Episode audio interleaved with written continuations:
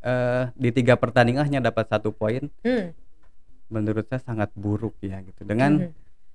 eh, komposisi pemain eh, level Persib kan kita tahu levelnya timnas ataupun Iya. pemain asingnya juga levelnya luar biasa didukung juga oleh supporter yang begitu fanatik Pasti kan ada dong kecemburuan antar pemain sepak bola Kang, apalagi Mm. waktu mungkin masih di Bandung, masih di Cianjur. Iya.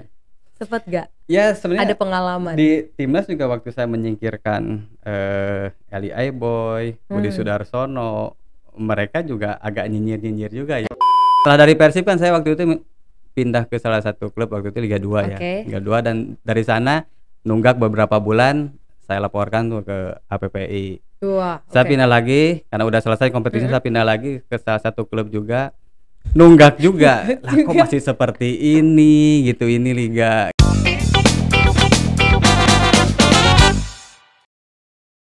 Hai teman-teman semuanya, welcome back di M Sport Entertainment. Gimana kabar kalian? Wah, ini di belakang Natasha lagi ada bendera-bendera merah putih. Ini menyambut ini ya Hari Kemerdekaan Indonesia. Anyway, sebelum Natasha kenalin salah satu bintang tamu kita hari ini, wih, ini adalah pemain senior, pemain sepak bola senior Indonesia. Nanti gue kenalin karena sebelumnya mau infoin dulu nih untuk teman-teman yang belum download aplikasi M Sport Entertainment, download sekarang ya karena ini penting banget buat teman-teman semua yang pengen selalu update tentang informasi-informasi seputar olahraga khususnya sepak bola ya. Kalian bisa lihat di situ. Nah, dengan membaca berita, komen dan juga eh, pokoknya lihat-lihat eh, berita yang ada di sana, kalian bisa ngumpulin koin. Nah, koinnya ini nanti bisa ditukarkan nih dengan merchandise keren. Jadi jangan lewatkan. Terus yang paling penting adalah daftar registrasi karena registrasinya gratis. Sekali lagi jangan lupa download M Sport Entertainment aplikasinya sekarang di handphone kamu. Oke, kita kenalan yuk sama ini dia. Kang Atep Ahmad Rizal. Wih, panjang banget nyebutinnya. Aku manggilnya Kang Atep aja ya biar biar biar ikrip kalau kata anak zaman sekarang. Akrab ala-ala Kang Atep, apa kabar? Iya, alhamdulillah baik. Kang Atep datangnya pas banget di ini nih hari kemerdekaan Indonesia.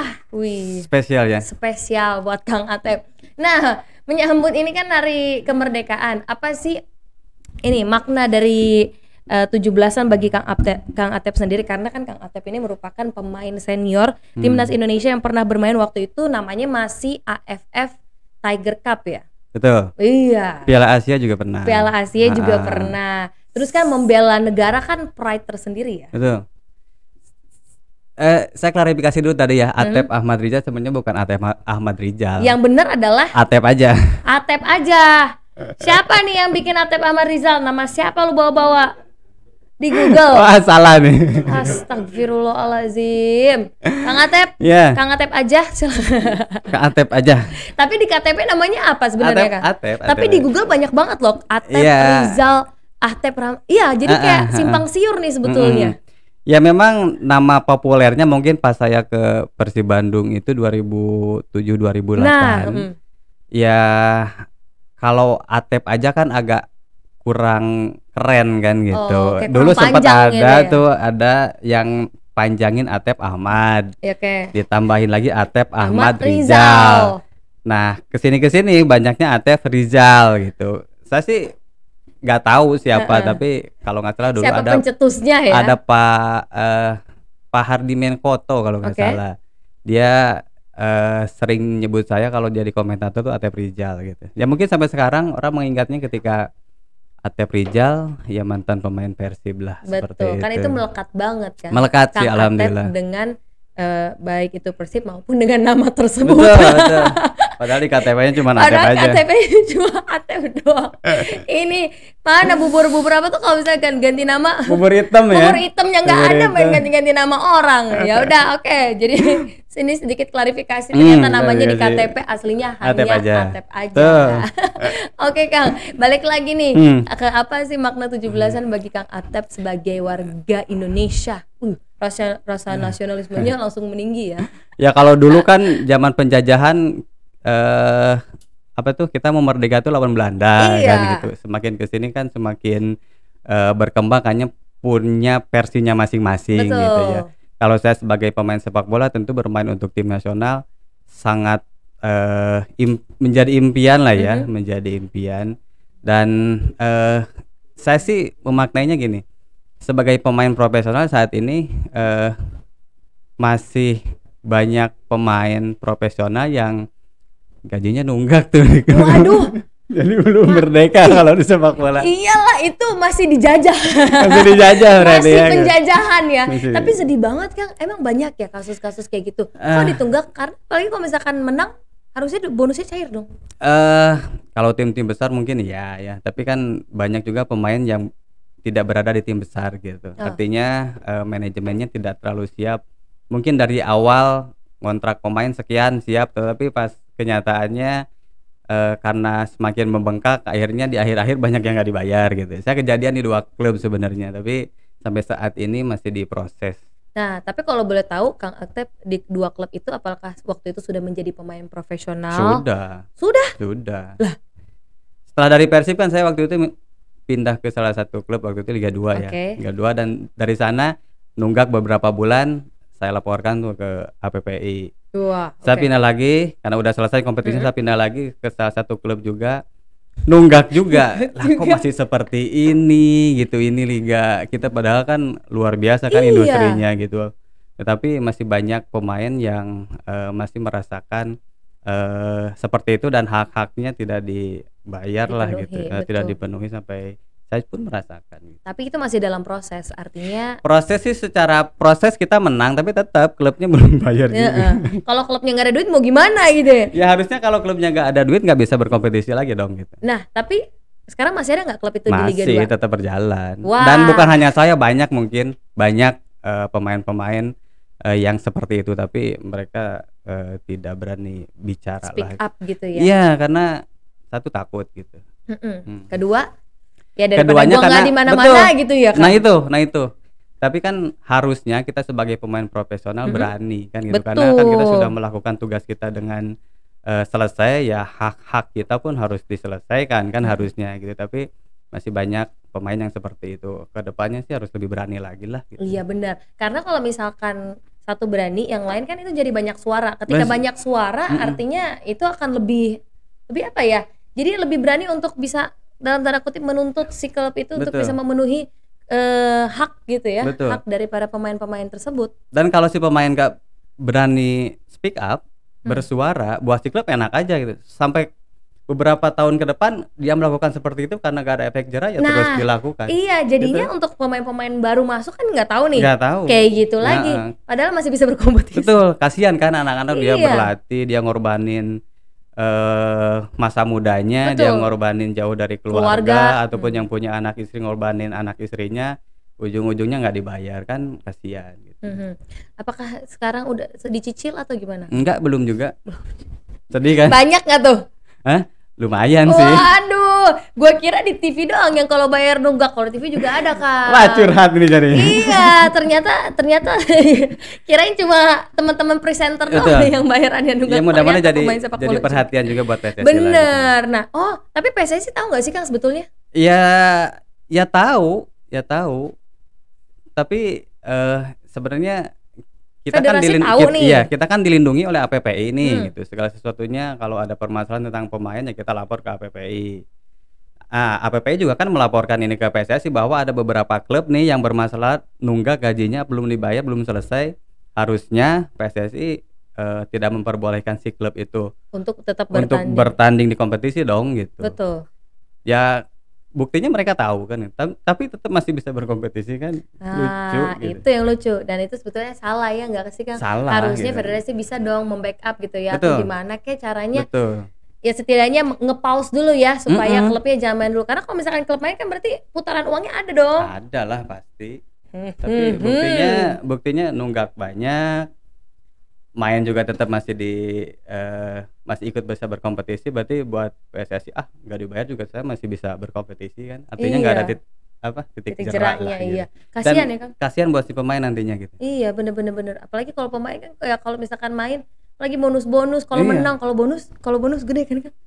Kalau menang Kalau bonus ya tergantung bos ya gitu. Biasanya Oke. kesepakatan beda di klub ya. di Beda klub beda ini ya. beda klub beda dan beda bos juga beda eh, bonus biasanya gitu. Dan sebenarnya kalau tim-tim besar kan itu udah ada kesepakatan di kontrak biasanya. Oke.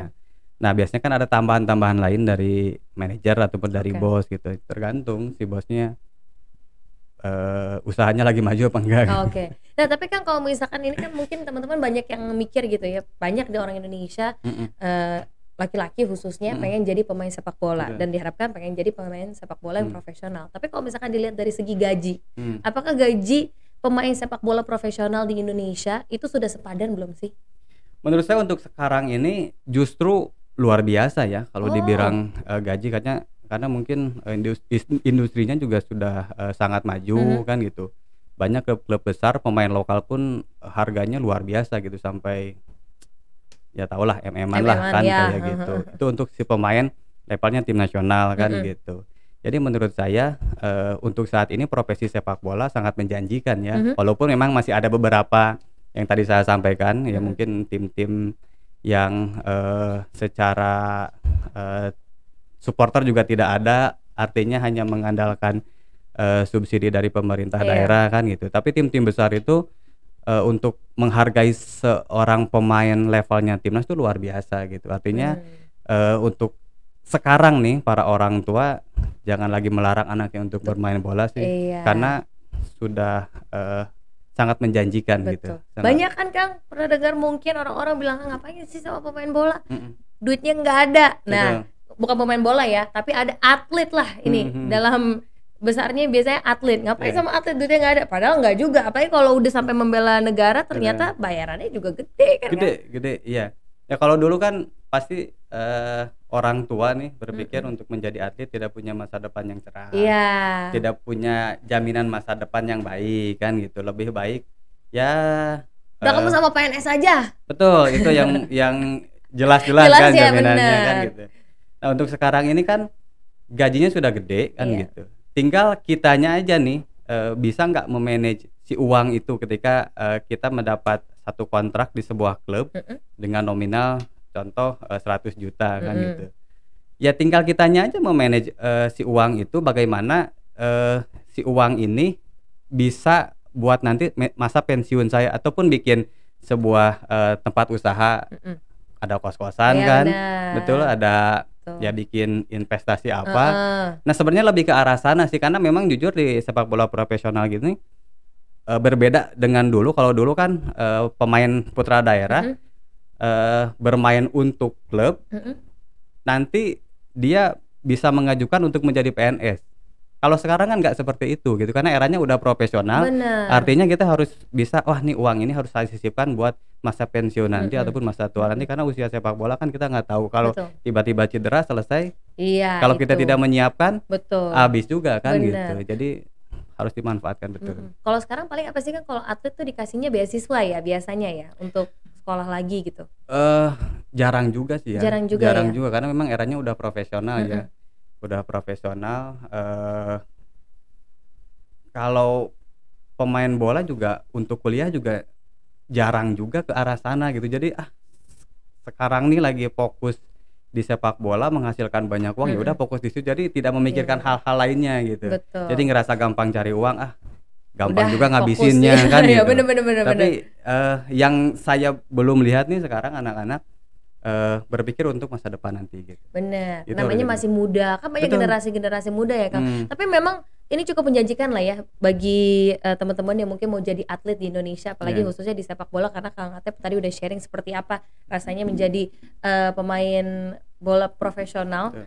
Kurang lebih udah nge-spill sedikit tuh ya pendapatannya lah kurang lebih. Tapi kan sayangnya nggak semua atlet nih Kang bisa mencicipi bagaimana bermain di timnas. Hmm. Tapi bagus untuk Kang Atep karena dari tahun awal 2000 berarti ya Kang ya, udah gabung ya Kang, udah mencicipi lah saya dari Asia. eh, usia 18 tahun Hmm. 2003 saya udah masuk tim 2003. nasional Mm-mm. 2003 masuk eh, tim nasional usia 18 tahun Eh, terus masuk usia 20 20 tahun 23 tahun sampai senior saya sih langsung loncatnya dari usia 18 tahun langsung ke Ah, senior iya? malah.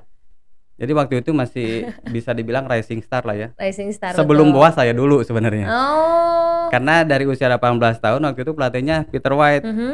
dia melatih juga di senior karena mungkin lihat potensi saya Udah dan bisa nih, langsung gitu ya. dinaikin ke eh, senior ikut piala AFF ya yang di Singapura waktu Oke. itu dan eh, pertandingan pertama saya langsung cetak dua gol. Wih, kayak kemarin Halan City lawan Nah. West Ham langsung cetak dua gol ya satu penalti sih tapi Iya.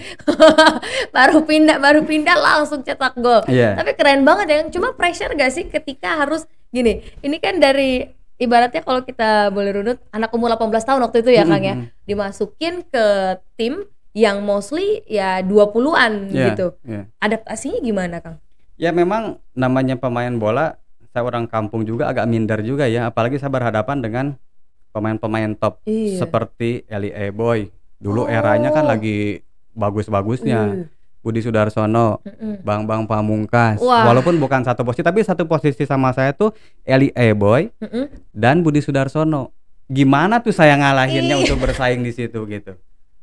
Artinya Wah. ketika mendapat kesempatan, waduh ini kalau saya jelek, habis saya gitu. Bener-bener. Tapi ya itu tadi karena eh, saya merasa punya kemampuan dan pelatih melihat potensi saya kan. Betul. Nggak mungkin dimasukin ke ke tim itu kalau memang tidak ada Mm-mm. eh, potensi yang luar Betul, biasa. betul. Terus Kang? Akhirnya eh, awal-awal masuk sih saya masih grogi gitu.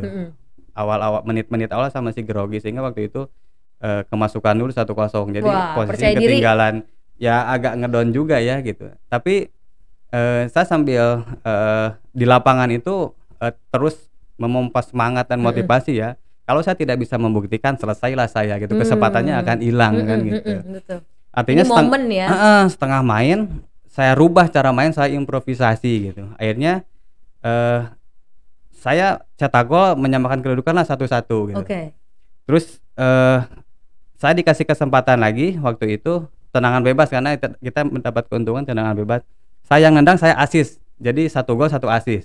Wih. Jadi balik jadi balik 2-1 kan. Mm-mm. Setelah itu menit ke 80-an saya cetak gol lagi. Jadi yang tadinya kalah jadi menang dan ya itu menjadi eh apa ya? Ya menjadi trending juga waktu itu karena Iya. saya bukan dari siapa-siapa mengalahkan eh, pemain-pemain top di posisi saya dan saya langsung mencetak gol gitu. Wih, waktu itu lawannya siapa Kang? Lawannya waktu itu Laos, Laos. masih Wow. Laos. Keren banget ya. Rising Star terus habis itu momentum itu benar-benar dimanfaatkan Iya. tambah melejit lagi. Iya. Who is siapa nih? Betul, Atep waktu betul. itu kan Kang. Iya. Tapi termasuk beruntung juga ya Kang ya dari usia muda bisa langsung mencicipi kompetisi Asia, langsung jadi rising star dan Hmm. lain-lain. Tapi kalau misalkan kita runut lagi nih, awal mulanya Kang Atep bisa suka sepak bola tuh dari mana sih? Kalau awal mula sih saya dari keluarga sepak bola ya. Saya dari Hmm. kampung, dari eh, Cianjur. Oke. Cianjur. Jadi eh, lahir dan besar di Cianjur. Lahir dan besar di Cianjur di kampung lah ya. Hmm. Memang di depan dekat rumah tuh ada lapangan sepak bola kayak gitu. Eh ya usia-usia SD tuh saya sering ikut antar RT lah. Oh, Belum pakai sepatu gitu. Belum pakai sepatu. Itu yang gawangnya masih pakai ini bukan sendal, enggak ya Kang? Enggak. Oh, kalau di lapangan besar ya pakai sendal. Tapi kalau antar RT udah gabangnya udah, Udah bambu. gawang, oh. Udah bambu. Udah kerenan tuh ya Kang, udah pakai Ya, bambu. iya, jaringnya jaring ikan itu. Oh, wih. Tapi penontonnya rame gitu saja sebagai striker waktu itu. Nah, dari situ karena memang jarang nggak pakai sepatu kalau di kampung sih ya. Eh, cuman saya selalu menjadi top skor ya selalu jadi bintangnya lah kalau Iya. di kampung gitu. Wih. Emang udah ada ini ya, awal mulanya ada dari situ. ada bakatnya Ada lah ya bakat. gitu.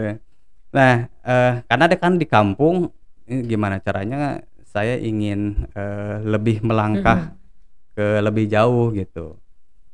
Waktu itu di daerah saya tuh ya namanya Persi Bandung kan siapa sih yang tidak tahu di Jawa Barat kan gitu. Nah, sering ada roadshow tuh ke daerah-daerah. Ada beberapa pemain eh pemainnya itu satu posisi dengan satu Asep Dayat gitu. Nah, dari situ saya eh teman-teman ke teman-teman tuh jangan panggil Atep lagi, panggil saya Asep Dayat gitu. Saking terinspirasinya Oh, gitu. oke itu Panggil Asep Dayat sampai sampai teman-teman tuh udah nggak manggil Atep lagi bener Asep, Beneran, Asep Asep Dayat Dayat. bukan hanya di lapangan tapi di luar juga Uh, Asep Asep udah membranding diri Udah sendiri. membranding gitu. Nah, untuk lebih eh, mengejar impian itu kan tentu tidak bisa berada di kampung itu kan. Hmm. Artinya saya harus ke kota Bandung kan gitu. Dan ke kota Bandung itu kan satu butuh biaya, butuh Betul. support juga dari Hmm. orang tua. Sementara orang tua namanya di kampung ngapain sih SSB mending pesantren aja katanya. Oh, Cuman saya ngerasa oh, emang ini- bandel dulu Kang. Enggak. Biasanya orang tua masukin pesantren, bader orang. namanya orang tua kan pasti Iya. ingin anaknya ya soleh lah Betul, gitu. betul. akhirnya saya agak maksa nih agak maksa dikit ah pokoknya saya mau masuk sekolah sepak bola. Apaan sekolah sepak bola katanya. Ya pokoknya sekolah sepak bola ya sekolah sekolah main bola gitu. Mm-mm. ya udahlah akhirnya orang tua tuh ayah waktu itu nyari link gitu. Di mana sih yang bagus? Akhirnya dimasukin ke uni tuh. Hmm. dimulailah di uni. Saya ketemu dengan Eka Ramdhani saya ketemu dengan beberapa pemain senior uni dan para pemain Persib dan waktu itu ada pemain timnas juga Budi Budiman. Oh, saat itu udah tahu tuh dia ya, di uni Kang- juga tapi dia di Persija di timnas juga nah kalau libur dia pulang ke mes tuh ke mes Oh, latihan di situ hmm. saya lihat latihannya wih latihannya Keren begini banget. gitu Hmm. heeh. Eka juga waktu itu dia udah di Persib junior ya wah latihannya begini akhirnya saya ikutin tuh Itu gitu umur berapa tuh Kang? Pertama kali masuk SSB? pertama masuk SMB tuh usia 14 tahunan Oke. sebenarnya udah terlambat sih ya gitu Mm-mm. kalau sekarang akhirnya saya latihan latihan latihan kesempatan itu ada kan pertama ikut dulu seleksi di timnas usia 15 tahun. Eh, gagal tuh gagal. Akhirnya saya ikut kompetisi di usia 15 tahun di internal Persib Haornas waktu itu. Nah loncat lagi ke usia 17 tahun Suratin. Ada lagi seleksi di Persib saya ikut saya masuk. Saya juga bersaing dengan pemain-pemain top yang sudah terbiasa keluar masuk di usia 17 tahun Hmm. ya. Tapi saya sisihkan juga tuh mereka dari pemain andalan saya jadi pemain inti gitu Wow. dari situ berkompetisi akhirnya kita bawa juara Oke. Piala Suratin usia 17 tahun. Nah, dikirimlah eh, untuk seleksi usia 18 tahun di Jakarta Mm-mm. dari 13 pemain eh, dari Jawa Barat dikirim. Nah, dari situ kita bertarunglah seleksi di di Jakarta itu dengan wah dari mana-mana pemain eh, di Indonesia lah, termasuk Boa Salosa Wow. waktu itu. Mhm. Akhirnya saya masuk Hmm. dari Jawa Barat saya masuk sendiri. Nah, Dari situlah saya mulai terus berada di Jakarta di timnas 18 tahun dilatih ya sama eh, Peter White. Oke. Nah, tapi akhirnya orang tua, wah, Kang Atep udah ke Jakarta nih. Orang tua Mm-mm. sempat khawatir nggak sih, Kang? Eh, Atau ya sempat pasti- ada nggak ngebolehin? Karena kan jauh lah lumayan gitu kan. Mm-mm. Jauh dari orang tua. Ya sebenarnya kan saya di Bandung juga udah pisah sama orang tua ya. Hmm. Artinya saya udah eh, ninggalin lah ya, Hmm. ninggalin setiap sebulan sekali saya baru pulang kan. Artinya udah terbiasa eh, tidak bersama dengan orang tua. Nah, ketika dapat kesempatan itu ya pasti khawatir ada, tetapi ya tentu disupport gitu Hmm. karena wah kok bisa ya nyampe ke timnas kan Mm-mm. gitu. Berarti kan passion emang dari dulu ya, betul betul jadi kita dari kampung kok bisa ya nyampe ke sana kan Mm-mm. gitu Padahal kan jalurnya jauh, jauh itu. banget gitu Iya. harusnya kan dari orang Bandung bahkan kualitasnya lebih baik dari saya banyak sekali kan gitu Hmm. tapi ya itu tadi kesempatan itu kan eh, tidak pernah datang dua kali dan Betul. saya dari awal saya ingin ke arah sini gitu tapi ketika ada kesempatan saya selalu memanfaatkan kesempatan itu Wow, keren banget. Akhirnya jadilah. Akhirnya Atep. jadi. Wah, legenda, legend, legend. legenda hidup. Anyway, Kang Atep, ini kalau misalkan eh, tadi aku dengerin, jadi Kang Atep waktu itu sempat ibaratnya kayak menyingkirkan, akhirnya langsung masuk jadi Hmm. tim inti segala macam. Iya. Ini kan pasti kan udah kelihatan nih dari teman-teman di SSB lain atau misalkan dari eh, tim-tim lain yang kayak wah Kang eh, Atep tiba-tiba langsung masuk ini langsung masuk itu pasti kan ada dong kecemburuan antar pemain sepak bola Kang apalagi Mm-mm. waktu mungkin masih di Bandung masih di Cianjur Iya. Sempat gak ya ada sebenarnya pengalaman di timnas juga waktu saya menyingkirkan eh Eli Aiboy, Budi Hmm. Sudarsono, mereka juga agak nyinyir-nyinyir juga ya. Nah, ini pasti kan walaupun tim isinya laki batangan semua tuh ya laki-laki, tapi kan pasti ada lah omong-omongan dikit. Iya, eh, cuman eh buat saya terlalu peduliin mereka, eh, malah saya nggak berkembang kan gitu. Walaupun eh wah ini kurang ajar nih anak Hmm. Anak muda, terus pelatih Iya. ke pelatih juga, oh, pasti. pokoknya nyindir-nyindir Iya, lah. iya, iya. nyindir-nyindir di depan di depan saya cuman ah biarin amat saya maksudnya ini kesempatan saya gitu kan dan saya tidak mau sia-siakan dan eh, saya ingin menjawab kepercayaan dari pelatih itu aja yang saya pikir gitu urusan mereka di luar seperti itu ya bodo amat ya pastikan tidak semua orang suka terhadap kita kan Betul, gitu nggak semua kita bisa paksa untuk suka sama kita. betul gitu Tapi dari omongan ini yang aku bisa tangkap dari Kang Atep, memang dari dulu visi dan misinya tuh jelas gitu ya. Iya. Emang dari kecil taunya tahu mau apa. Ini yang sebetulnya penting kayak orang-orang kadang masih simpang siur nih Hmm, mengenali dirinya sendiri kayak pengennya apa segala macam. betul. Tapi kalau dari Kang Atep dari dulu memang jelas gitu kemauannya ya. ya memang mimpi saya waktu itu siapa sih yang tidak bangga untuk memperkuat Persib Bandung kan gitu. Saya sih ngejarnya ke arah sana aja dulu. Mm-mm. Bagaimana nih saya bisa menggapai mimpi saya kan? Tentu tidak tidur dong kan gitu. Mm-mm. Harus seperti harus latihan lah Iya. kan gitu. Tidur doang. Nah, sementara waktu itu eh kita untuk mencapai ke Persib ini ya tentu kalau tujuannya kita harus ke Persib dulu akan banyak sekali bersaing dengan pemain-pemain hebat di Mm-mm. di mana di Jawa Barat kan gitu. Tetapi yang yang harus menjadi spesial apa? Ya saya harus menjadi pemain timnas dulu gitu.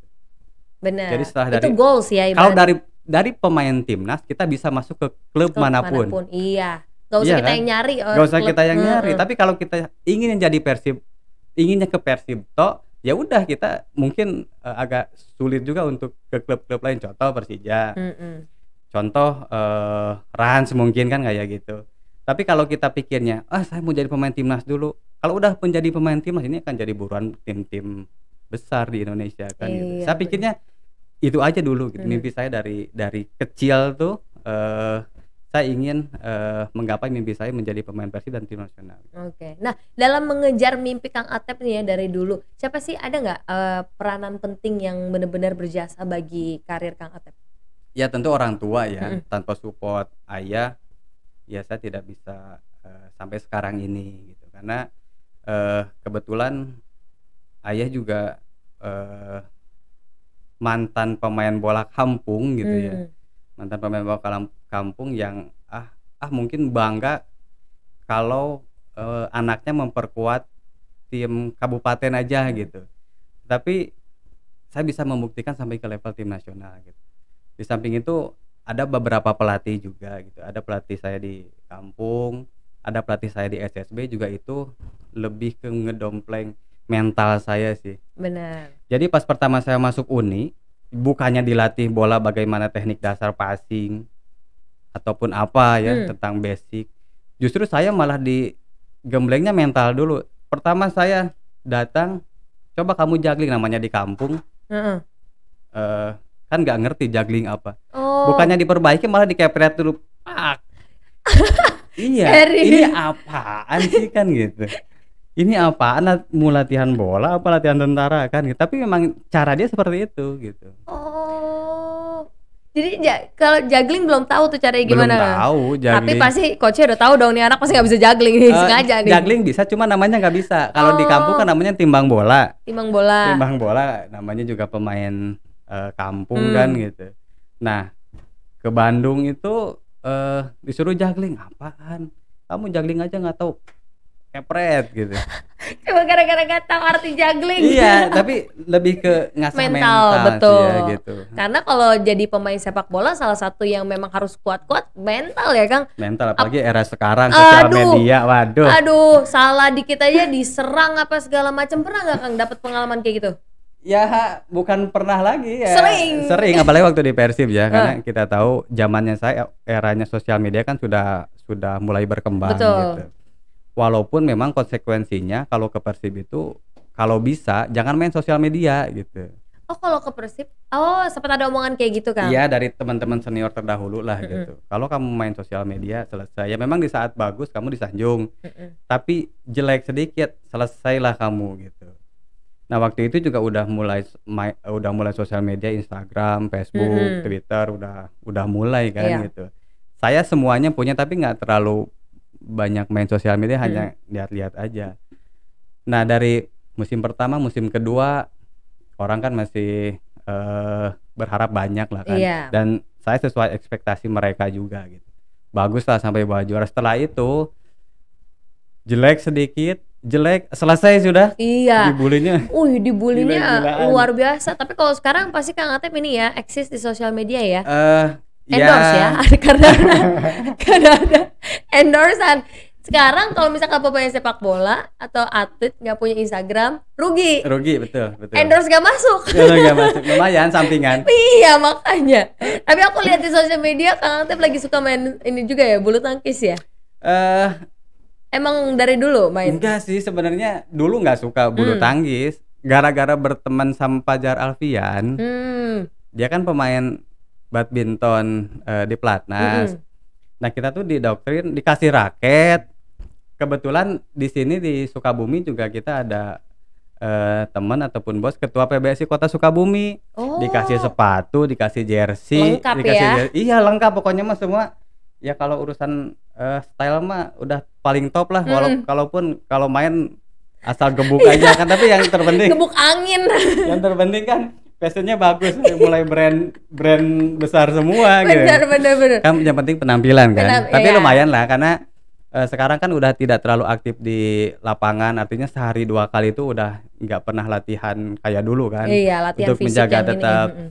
eh, fisik bagus ya badminton kalau enggak pan football kayak Hmm. gitu Tapi dulu pernah nggak nyoba olahraga lain atau sempet terbesit kayak kayaknya pengen deh kalau misalkan nggak jadi pemain sepak bola pengen jadi hmm, pemain ini gitu. Mm-mm. Pernah nggak dulu Kang?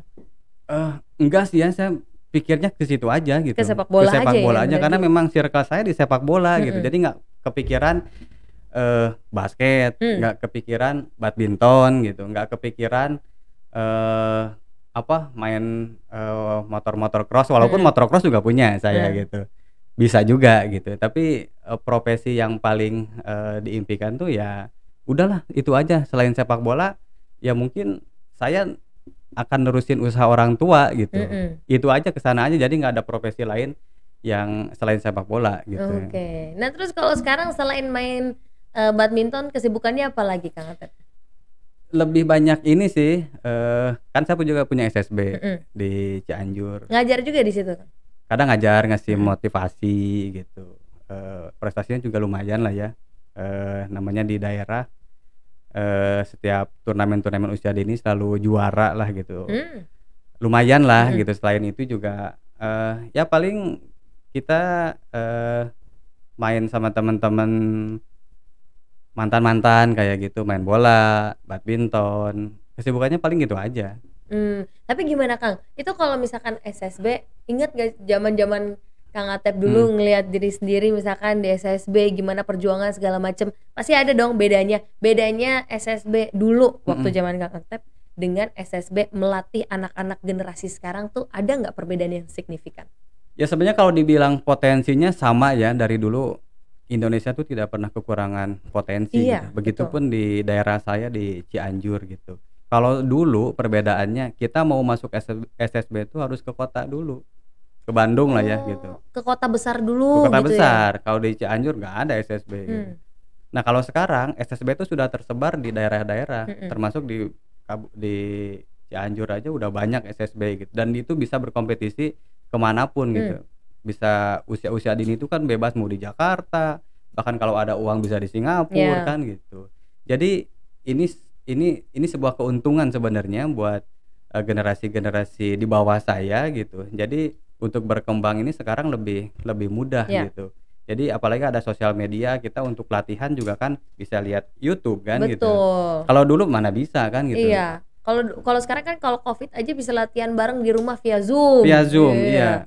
Kalau dulu kita nggak ditangani pelatih eh, bagus, ya kita nggak bisa latihan kan paling apa olahraganya ya lari aja kan gitu. Mhm. Kalau sekarang ah saya pengen eh, skill ini nih tinggal di, lihat YouTube, YouTube. udah bisa latihan sendiri. Itu adalah keuntungan keuntung keuntungan yang bisa didapat buat para generasi sekarang gitu dan Mhm.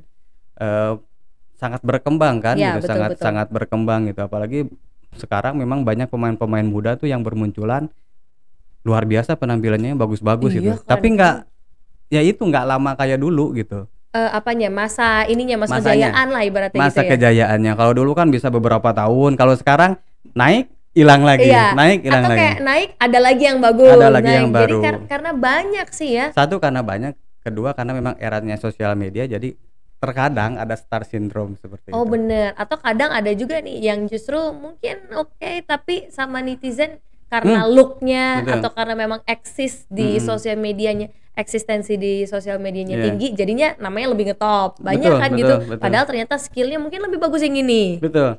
Iya kemampuannya sekali bagus aja untuk tim nasional, wah dia kan bisa followers Instagramnya ataupun eh, di followers di, TikToknya kan bisa langsung berjuta-juta kan gitu. iya bener Nah itu otomatis akan merubah gaya Mm-mm. hidupnya gitu, sehingga dia tidak fokus lagi terhadap karir yang dia eh, impikan dulu untuk mengejar menjadi pemain eh, timnas sepertinya Mm-mm. gitu. Nah sekarang sudah ada pemain sudah ada di timnas, ya karena dia sudah merasa top ya udah dia rubah cara latihannya, dia rubah cara disiplinnya, dia rubah cara pola hidupnya, pola makannya sehingga umur uh, karirnya tidak begitu panjang. Bener, ini bener banget tuh Kang. Iya. Tapi kalau misalkan uh, seorang atlet gitu ya, khususnya uh, atlet sepak bola, udah masuk timnas, biasanya targetnya tuh apa sih Kang? Karena kalau nggak tahu ya, biasanya targetnya kan target tertinggi masuk timnas nih. Betul. Kalau dari Kang Atep sendiri ngelihatnya gimana? Apakah memang seperti itu? Ya pasti. Ya karena uh, prestasi tertinggi di sepak bola itu kan tim nasional Mm-mm. gitu. Nah, terkadang ada nih si pemain ah saya sudah masuk tim nasional juga sudah cukup gitu untuk Heeh. menaikkan eh, rate harga saya di klub-klub. Betul. gitu. Nah, ini dia maksudnya targetnya apakah hanya ingin membesarkan nama atau untuk punya bisa masuk ke klub ini Hmm. gitu? Ya kalau saya sih harapannya si anak ini bukan hanya itu ya tujuannya, Mm-mm. tetapi tentu menciptakan prestasi untuk tim nasional. Apalagi sekarang kan sudah terbuka pemain-pemain Indonesia sudah dilirik beberapa klub di luar negeri, Di negeri, dan ya. itu adalah kesempatan yang besar kan gitu. Saya berharap sih pemain timnas sekarang ke sana gitu visinya Mhm, gitu. Lebih lagi ya. lebih lagi, nah, karena memang kesempatan itu ada kan gitu. Jadi jangan hanya numpang lewat di timnas, dapat rate harga timnas, ketika ke klub dapat duit banyak sudah selesai. Padahal kan sebenarnya secara potensi dia bagus, bisa lebih tinggi lagi gitu. Jadi Mhm. visinya dulu harus di eh ke sana dulu gitu. Minimal ya kita bisa bermain di level liga luar lah itu Liga sesuatu yang luar biasa. Iya, keren banget Ya ya. kan Kang. udah banyak contoh kan ada Banyak. Asnawi, Iya, ada Witan, ada Egi. Mereka bisa kenapa kita tidak bisa kan? gitu. betul betul. Tapi memang visi dan misi kan yang beda-beda ya kan. Beda-beda. Cuma memang kalau main di luar negeri itu kan terasa banget perbedaan-perbedaannya Iya. dari segi cara latihan dan lain-lain. Nah, ngomong-ngomong nih aku lupa nanya sama Kang Atep sendiri. Kalau ngelihat Persib Bandung eh, kira-kira akan sejauh mana sih di Liga 1 musim ini? Masih ngikutin gak sih Kang kalau nonton? masih masih aktif ya? masih masih masih ngikutin lah karena ya cintanya nggak berkurang kan gitu. Iya, gimana pun kan jadi bagian besarnya kehidupan Kang Atep betul ya. betul Eh, melihat musim ini eh, di tiga pertandingan hanya dapat satu poin Hmm. menurut saya sangat buruk ya gitu dengan Mhm. eh, komposisi pemain eh, level Persib kan kita tahu levelnya timnas ataupun Iya. pemain asingnya juga levelnya luar biasa didukung juga oleh supporter yang begitu fanatik Mhm. didukung juga oleh manajemen eh, yang baik kan gitu jadi semua keinginan pelatih semuanya di diikutin gitu Mhm. tapi prestasinya eh, di tiga pertandingan ini eh, buat kita sangat mengecewakan gitu Betul. dan sebenarnya eh, dari dulu nih Bobotoh nih kalau kasih kesempatan ke pelatih baik itu pelatih baru baru datang ataupun pelatih top baru datang tiga pertandingan hasilnya jelek ya udah suruh out kan Oh, gitu Iya, tapi kan padahal ini kan fenomena awal musim kan. Kan Iya. Kita nggak bisa ngejudge apa yang terjadi di awal musim. Biasanya paling ya limaan lah kita udah bisa Mm-mm. kurang lebih ngebaca. Tapi masih tiga masih adalah kesempatan karena kan masih ada pertandingan-pertandingan lainnya juga kan. ya ya memang bukan ukuran ya nanti Mm-mm. di akhir musim eh, Persib seperti akan apa. seperti apa Mm-mm. kan gitu walaupun ini masih proses tapi tetap kita sebagai warga Jawa Barat eh, karena kalau Persib ini kan bisa dibilang harga dirinya orang Jawa Barat Iya, ya gitu bener. jadi susah diterima kalau Persib kalah kan Darah gitu. biru ya. darah biru Susah apalagi di kandang ya bisa dibilang haram lah kan Bener, gitu bener. kalah gitu saya berharap sih eh ada evaluasi ya ada evaluasi karena dari sisi materi pemain sangat luar biasa Iya, ini yang disayangkan ya. apa sih yang salah kan gitu Mhm. jangan sampai ada desakan dari Boboto baru ada evaluasi. Hmm, kan udah terlambat Iya, gitu. mm-mm. dari manajemen sendiri sudah ada evaluasi. Kalau dibiarkan seperti ini terus nama besar Persib kan yang kita tahu yang kita banggakan akan eh, hilang kan Mm-mm, gitu. mm-mm. saking cintanya saking kita pedulinya eh, makanya eh, banyak supporter ber- bereaksi. Dan kita pun sebagai penikmat ataupun mantan eh, berharap ya Persib ini kembali ke jalurnya gitu Iya, kembali ke persep yang eh persip yang orang-orang nantikan lah. orang Jangan nantikan Bener. betul karena ya tidak pantas kalau Persib berada di dua bawah ya gitu Iya. dengan materi pemain yang luar biasa supporter Makanya. luar biasa gitu jadi ya itu butuh evaluasi yang cepat gitu Mhm. dan eh, pelatih kan sudah tiga musim berada di Persib prestasinya masih seperti seperti ini aja kesempatan sudah diberikan ya terus mau apa lagi gitu Mm-mm. iya kan terus Betul. mau apa lagi ya sekarang ya mungkin kesempatan terakhir tapi harus dibuktikan gitu. Betul betul. Nah, tapi kalau Kang Atep nih ngelihat pertandingan yang udah dijalani, udah dilakoni sama Mm-mm. Persib di awal musim ini, kira-kira apa sih salah satu faktor yang kayaknya perlu untuk dibenahi di atas lapangan?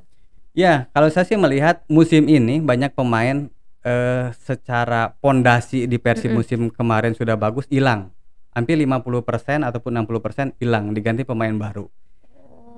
Itu menurut saya ya. Jadi eh, kalau pemain baru mungkin adaptasinya. adaptasinya gitu adaptasinya kalau dulu kan kita waktu juara 2014 2015 juara Hmm. kita bangun dulu pondasi yang kuat Mm-mm. sehingga apa nih kekurangannya baru kita eh, ambil untuk menambal Mm-mm. kekurangannya kalau sekarang dihilangin pondasi 50 persennya ngambil pemain baru yang menurutnya ini top ini bagus tapi pas main ya ya masih seperti Iya, itu gitu mm-mm.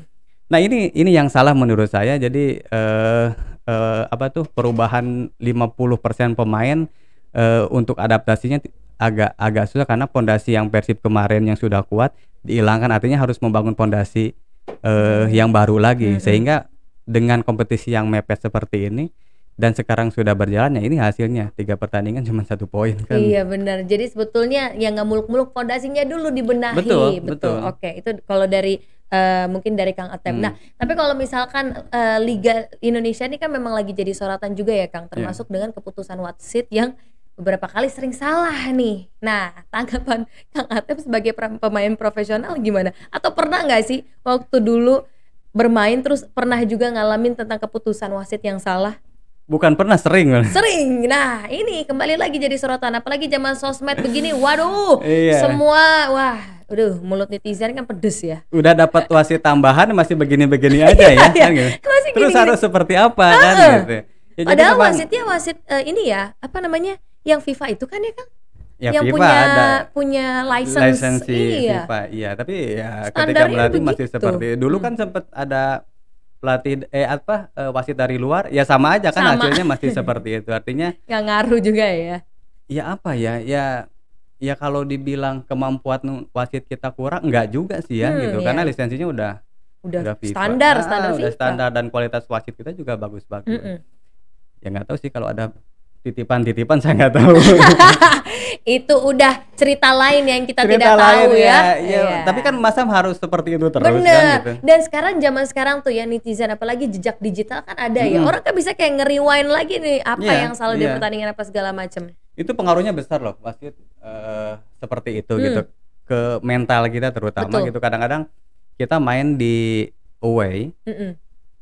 kita udah berpikir gini sebelum eh, main wah wasitnya sih ini gua pasti dikerjain nih Masa sih Pasti- pemain-pemain tuh suka mikir kayak gitu ya kan? ya mikir gitulah otomatis kita nggak fokus lagi ke permainan kan Iya. udah takut duluan kan kalau di, di di kotak penalti mau diambil takut apa tuh eh, kena penalti, Penalti, kan jadi iya. lebih hati-hati makanya eh, banyak kan pemain-pemain kalau away ya seperti itulah gitu Iya. masing-masing eh, terutama tuan rumah banyak yang diuntungkan dengan keputusan-keputusan wasit masih masih seperti dulu sih belum ada Belum ada. perkembangan ya Iya. walaupun sudah ada penambahan wasit yang mudah-mudahan sih dengan eranya digital bisa eh, PSSI lah terutama Betul. gitu eh, harus memberikan hukuman yang seberat-beratnya buat buat wasit eh, yang melakukan hal-hal yang seperti Kecurangan- itu kecurangan kalau kecurangan karena itu ada. a- itu dampaknya akan besar ke pertandingan gitu Betul, ke pertandingan dan juga itu dia kembali lagi ke mental dari para Mental pemain pemain. yang sayang banget nih. Aduh, tapi kita doakan lah ya semoga hal-hal seperti itu udah deh. Kalau hilang mungkin susah ya, Kang, tapi bertahap lah. bertahap bertahap, berkurang betul. dengan netizen juga yang lebih pint eh, lebih apa ya? pintar gitu loh untuk Mm-mm. bisa lihat situasi seperti apa yang terjadi di lapangan. Semoga ke depannya bisa berkurang. Nah, Kang Atep, eh, aku mau tanya juga sekali lagi nih untuk visi dan misinya punya SSB itu apa sih, Kang? Jadi gini sebagai putra daerah, saya tuh ingin mengabdi untuk sepak bola karena Mm-mm. saya lahir di Cianjur gitu. Saya ingin potensi-potensi yang ada di Cianjur ini eh, masuk ke SSB saya menjadi jembatan untuk dia menjadi pemain profesional dan timnas. Wah, Dan alhamdulillah sekarang berhasil. Jebolan SSB saya ada eh, Robi Darwis yang ada di Persib Bandung, Oke. pemain tengah, eh, Kakang juga mhm. dia pemain timnas usia 19 juga sekarang itu dari SSB saya. Saya sih eh, itu aja sih ya. Saya ingin Iya. karena dulu saya mau mau ke SSB itu minimal butuh support dari orang tua dengan dananya ada kan. Betul. Sekarang saya sediakan di sebuah daerah eh, dan siapa pun boleh masuk dengan harga ya minimal bayar latihan aja kan gitu. Wow. tapi eh, potensinya dia tersalurkan. Iya, oh keren banget. Jadi ini adalah wadah ya buat teman-teman khususnya warga Cianjur yang pengen apa ya mengejar mimpinya untuk Betul. menjadi pemain sepak bola, Betul. lagi pemain sepak bola profesional. Keren banget nama SSB-nya apa Kang Atep? SSB Atep 7.